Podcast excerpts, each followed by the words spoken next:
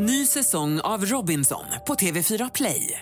Hetta, storm, hunger. Det har hela tiden varit en kamp. Nu är det blod och tårar. Fan händer just nu. Det. är Detta är inte okej. Robinson 2024, nu fucking kör vi! Streama söndag på TV4 Play.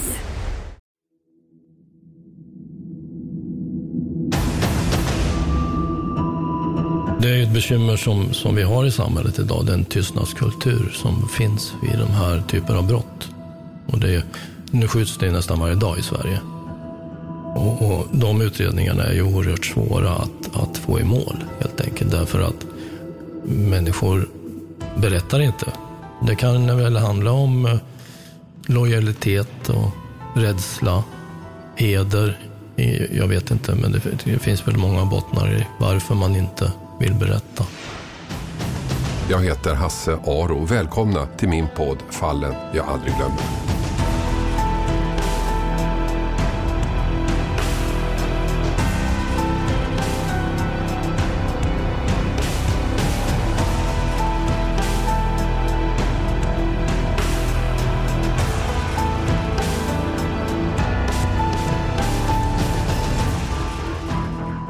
Det som jag har gjort och som har blivit mest uppmärksammat genom åren är förstås Efterlyst. Men jag har haft turen att få göra mycket annat roligt också. I nästan tio år till exempel jobbar jag med programmet Expedition Robinson och det var otroligt härligt. Man åkte iväg en sommar, ofta till Malaysia och spelade in en säsong som sändes på hösten. Ni kanske kommer ihåg upplägget. Två lag placeras på varsin öde ö där de måste överleva ganska tuffa villkor. I varje avsnitt möts lagen i en tävling. Det lag som förlorar samlas i örådet där de måste rösta hem en av sina medlemmar. Efter halva säsongen slås de kvarvarande deltagarna ihop till ett lag och alla tävlar individuellt. Sommaren 2000 var ett speciellt år på många sätt. Det var det första året som jag producerade helt själv, annars brukade vi vara två. Det blev en fantastisk säsong som slog alla tidigare tittarsiffror och vi hade väldigt bra deltagare. 16 personer från hela landet mellan 19 och 61 år gamla. 17 år senare skulle en av dem dömas för medhjälp till mord. Men det visste vi inte då. Och den deltagare som stack ut mest den sommaren i tävlingarna var Boba. Boba Badje. Han vann allt. Han var som en övermänniska. Lag Syd dominerade. De vann tävling efter tävling för de hade ju Boba. Lag Nord förlorade och decimerades en efter en. Men en dag vände allt. Lag Syd förlorade sin första tävling och den de röstade ut var Boba. Mannen som hjälpt dem att vinna allt men också mannen som ingen av dem ville möta i slutfinalen. Så det var en mycket bitter Boba som följde med produktionsteamet från örådet den där kvällen. Och jag var också ganska nedstämd. Vi hade förlorat en av våra mest fenomenala deltagare, en som verkligen förgyllde tv-programmet. Visst blev det bra dramatik när han röstades ut, men jag hade gärna sett honom kvar. Det fanns en annan deltagare som stack ut det året. Han hette Adnan Amedi och kom från Katrineholm. Han var lite annorlunda än de andra. I mina ögon lite mjukare, lite mindre framträdande. Kanske inte helt rätt person för Robinson. Och det var han som skulle dömas för medhjälp till mord, utpressning och annat till 14 års fängelse 2017. Men det visste ju inte då, där i Malaysia sommaren 2000 när han kom fram till mig och bad att få tala med mig. Han kände att han inte kunde vara med längre. Han kändes inte bra. Han ville bryta. Och för mig som producent så kunde tajmingen inte vara bättre. Plötsligt hade vi en plats ledig. Jag hittade på en ny regel och lät de två senast utröstade tävla om den lediga platsen. Och ni kan ju gissa vem som vann. Boba såklart och han återvände till ön. Han var inte glad. Det blev en bra säsong helt enkelt. Över fyra miljoner tittare såg finalen. Adnan, han var kvar på ön en tid efter att han brutit tävlingen och mitt intryck av honom förstärktes, lågmäld och trevlig. Och när han kom hem så engagerade han sig i ungdomsverksamheten hemma i Katrineholm och blev också ett år utsedd till årets Katrineholmare. Men vad jag inte visste, och inte många andra heller, var att det fanns en annan sida. En helt annan. Lars Livenborg är ansvarig för utredningarna av grova brott i Katrineholm och Nyköping. Under den här utredningens gång, vad fick du då för bild av Adnan? Ja, det var en ganska komplex bild därför att han, dels hörde jag ju hur han hade varit tidigare med Robinson och lite teaterskola tror jag. Men någonstans efter vägen så har ju han gjort andra val. Och den, den bilden, tidiga bilden av honom eh, stämmer inte alls överens med den bild jag fick.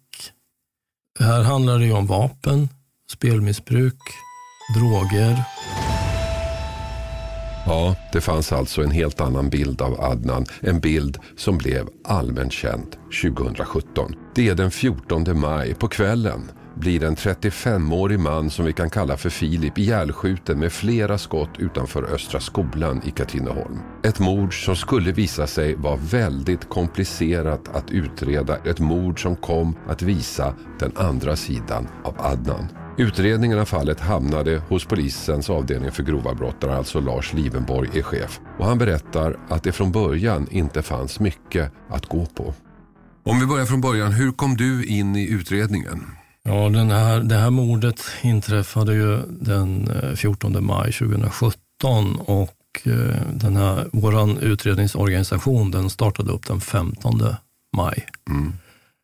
Eh, och sån här händelse så, så räcker ju inte min egen grupp till, utan vi fick börja med att låna in folk ifrån Sörmland och Östergötland och Jönköping. Mm. Vad visste du då om vad som hade hänt när, du, när, ni, när ni började? Ja, den information jag hade var att eh, en 35-årig eh, eh, man hade blivit skjuten utomhus vid Östra skolan i Katrineholm. Klockan var någonstans kvart över åtta på kvällen. Det var vad vi hade. Mm. Vad börjar man med då?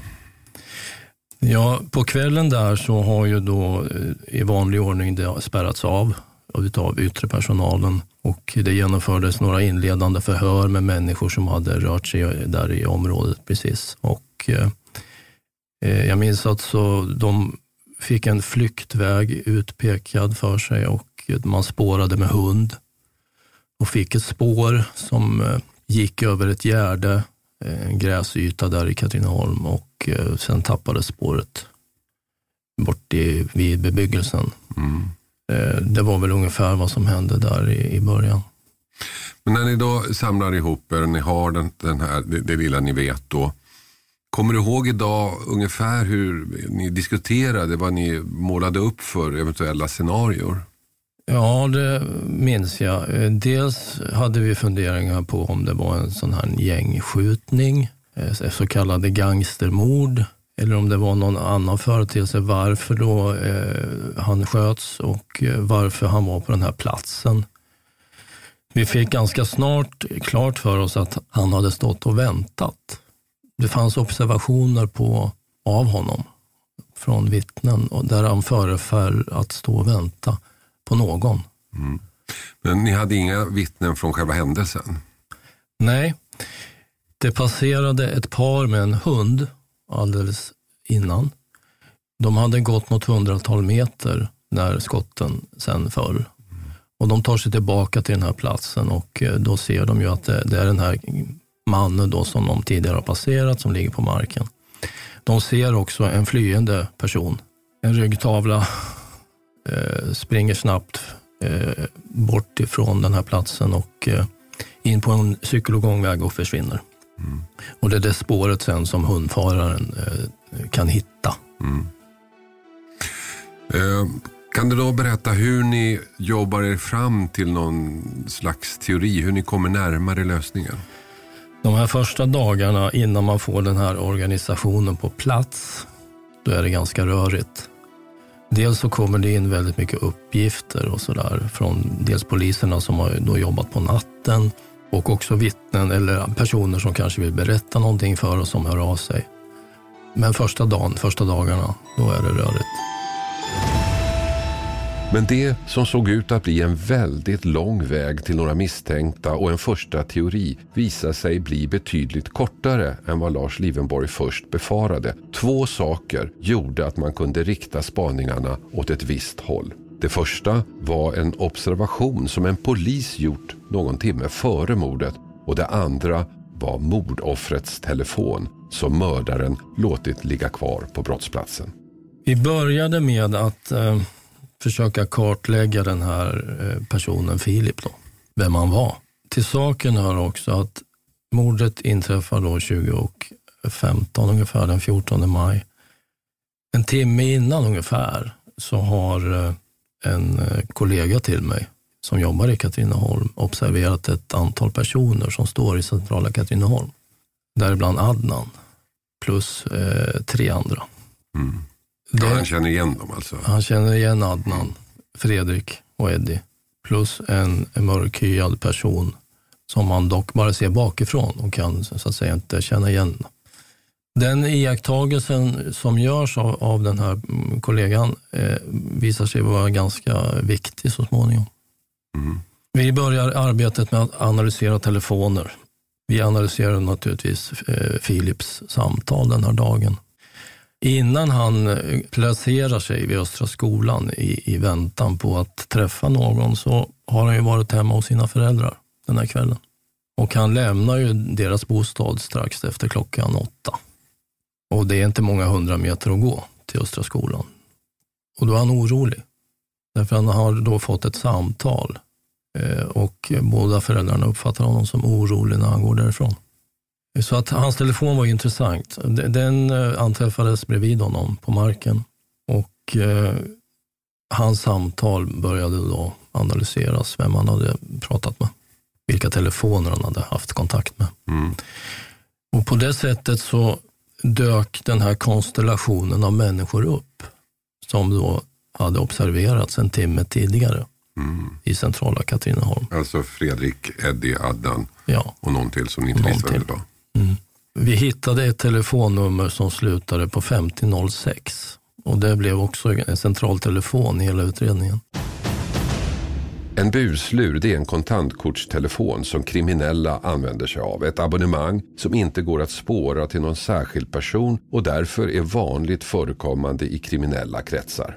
Men på en sån telefon finns ju ändå information sparat. Telefonnummer som den har ringt till och telefonnummer från personer som ringt till den och numret 5006 blev centralt i utredningen. Det var numret till busluren och utifrån det numret kunde utredarna bygga något av ett spindelnät med olika nummer kopplat till olika personer. Man kunde också se hur den rört sig och vem som hade varit i närheten just då. Och med den telefonen och med hjälp av det här så tyckte sig polisen kunna knyta Adnan till dådet.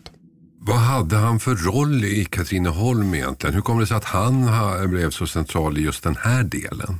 Var han någon slags gudfar eller vad hade han för roll? Den här eh, konstellationen av människor, där tror jag han hade en lite ledande roll.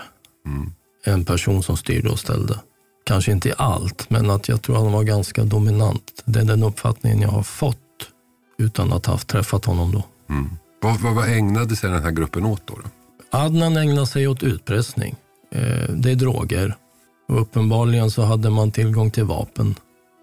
Det har ju förekommit eh, eh, handgranater, i varje fall en.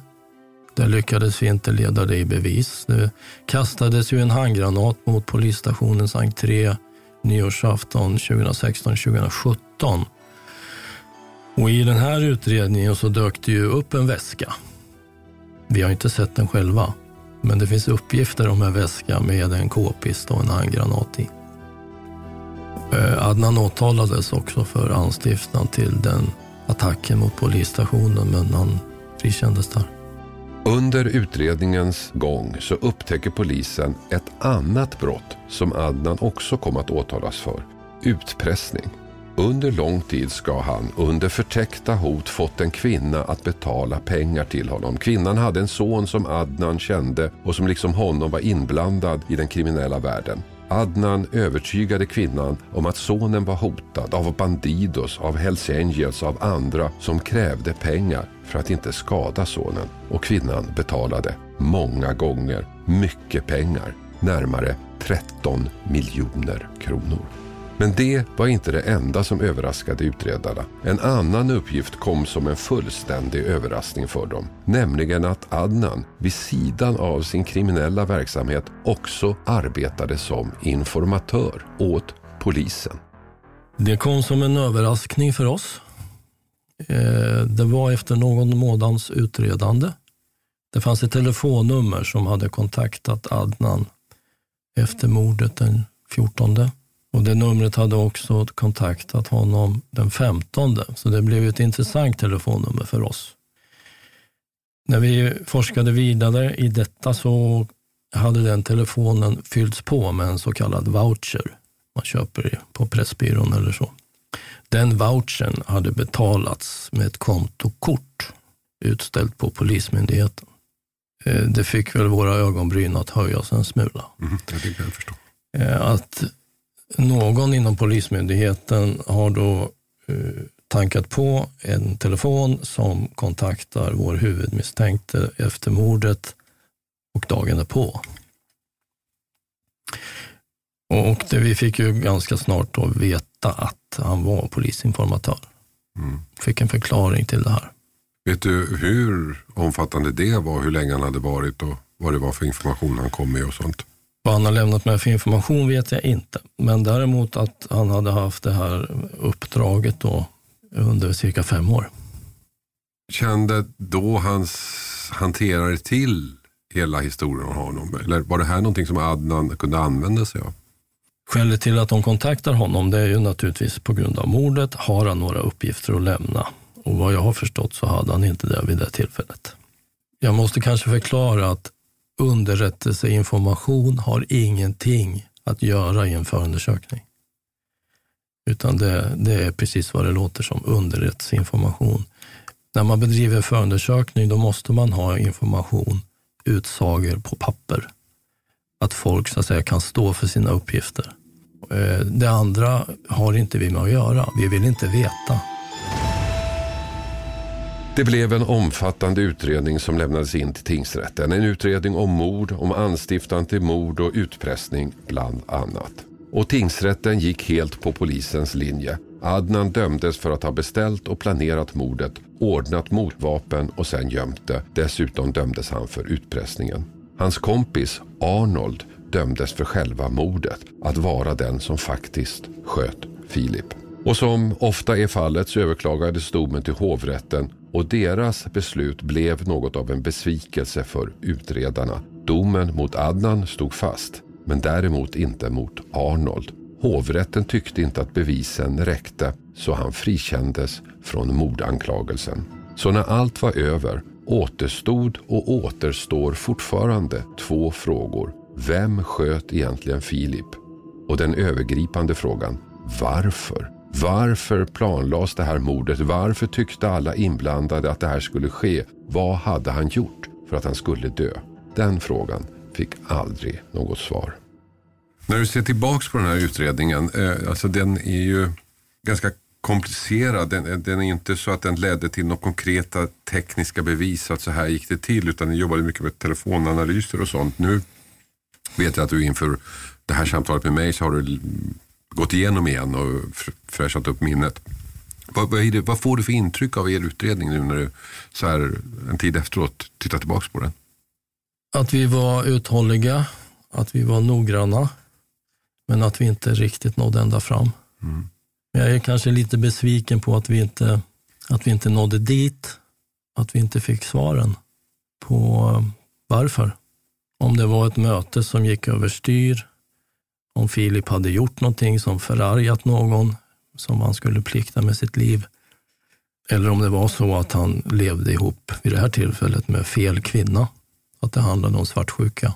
Och eh, alla utredare vill ju ha svar på varför naturligtvis. Varför människor gör vissa saker och hur de tänkte. Men eh, ibland når man inte fram helt enkelt. Och där kan jag känna en liten besvikelse. Eh, enligt hovrätten nu så har vi ju ingen skytt. Förundersökningen är fortfarande öppen. Vi har eh, personer som har dömts för medhjälp och för vapenbrott och skyddande av brottsling och så, men eh, någon skytt har vi inte. Och det känner jag mig besviken över. Samtidigt så får jag en bild av att den, den utredning ni bedriver är lite symptomatisk för den nya tidens brottslighet om man får säga så. Att I sådana här kriminella miljöer och sånt att det ingen pratar och mm. att väldigt mycket handlar om tekniska kartläggningar och telefoner som du pratar om och sådana här saker. Ganska tidskrävande saker. Ja. Och det är ett bekymmer som, som vi har i samhället idag, den tystnadskultur som finns vid de här typerna av brott. Och det, nu skjuts det nästan varje dag i Sverige. Och, och de utredningarna är ju oerhört svåra att, att få i mål helt enkelt därför att människor berättar inte. Det finns ju naturligtvis folk där ute som känner till vad som hände med Filip och varför och vem som har gjort det. Men, men man berättar ingenting för polisen. Av olika skäl. Man kan, det kan väl handla om eh, lojalitet och rädsla, heder jag vet inte, men det, det finns väl många bottnar i varför man inte vill berätta. Mm. Och vänder man på det så andra sidan från början hade ni nästan ingenting, men ändå tack vare de utredningsåtgärder ni gjorde så kom ni ju nästan hela vägen fram. Ja, det gjorde ni. Nästan. Jag tittar på en bild från år 2000. En bild på lag syd som står uppställda på en sandstrand i Malaysia med sin nödtorftigt snickrade hydda i bakgrunden. De har precis kommit till sitt läger och vinkar glatt allihopa mot fotografen. Mattias, Edvard, Linda, Boba, Charlotta, Hildegård och så Adnan förstås. Just där och då vet de inte vilken tuff tid de har framför sig. Ont om mat, hårda tävlingar, svåra förhållanden. Mycket svårare än tittarna egentligen förstod. Och så inte minst en tid av intriger, fulspel och svek.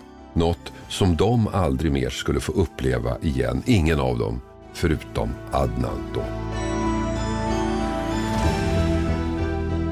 Under mitt arbete med den här podden så får jag ett brev från Adnan i fängelset. Han har fått höra att jag ska göra ett avsnitt om honom. Det är ett väldigt långt brev, 28 sidor maskinskrivet och kontentan är att han säger sig vara oskyldig till någon som helst inblandning i mordet. Han skriver att han har samarbetat med polisen för att hitta mordvapnet, ett vapen som han gömt. Varför skulle jag göra det om jag var inblandad? frågar han i sitt brev.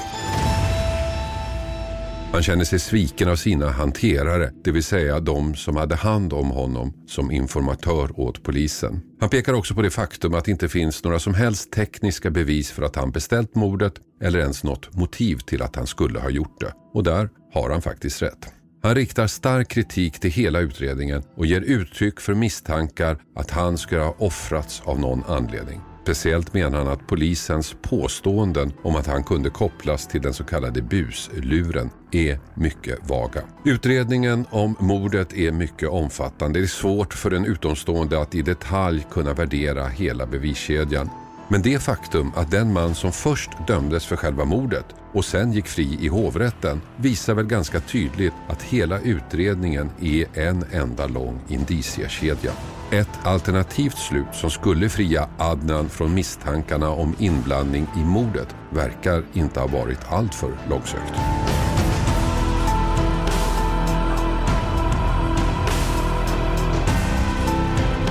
Klippning och inspelningsansvarig David Dabba Persson och exekutiv producent Mattias Arvidsson.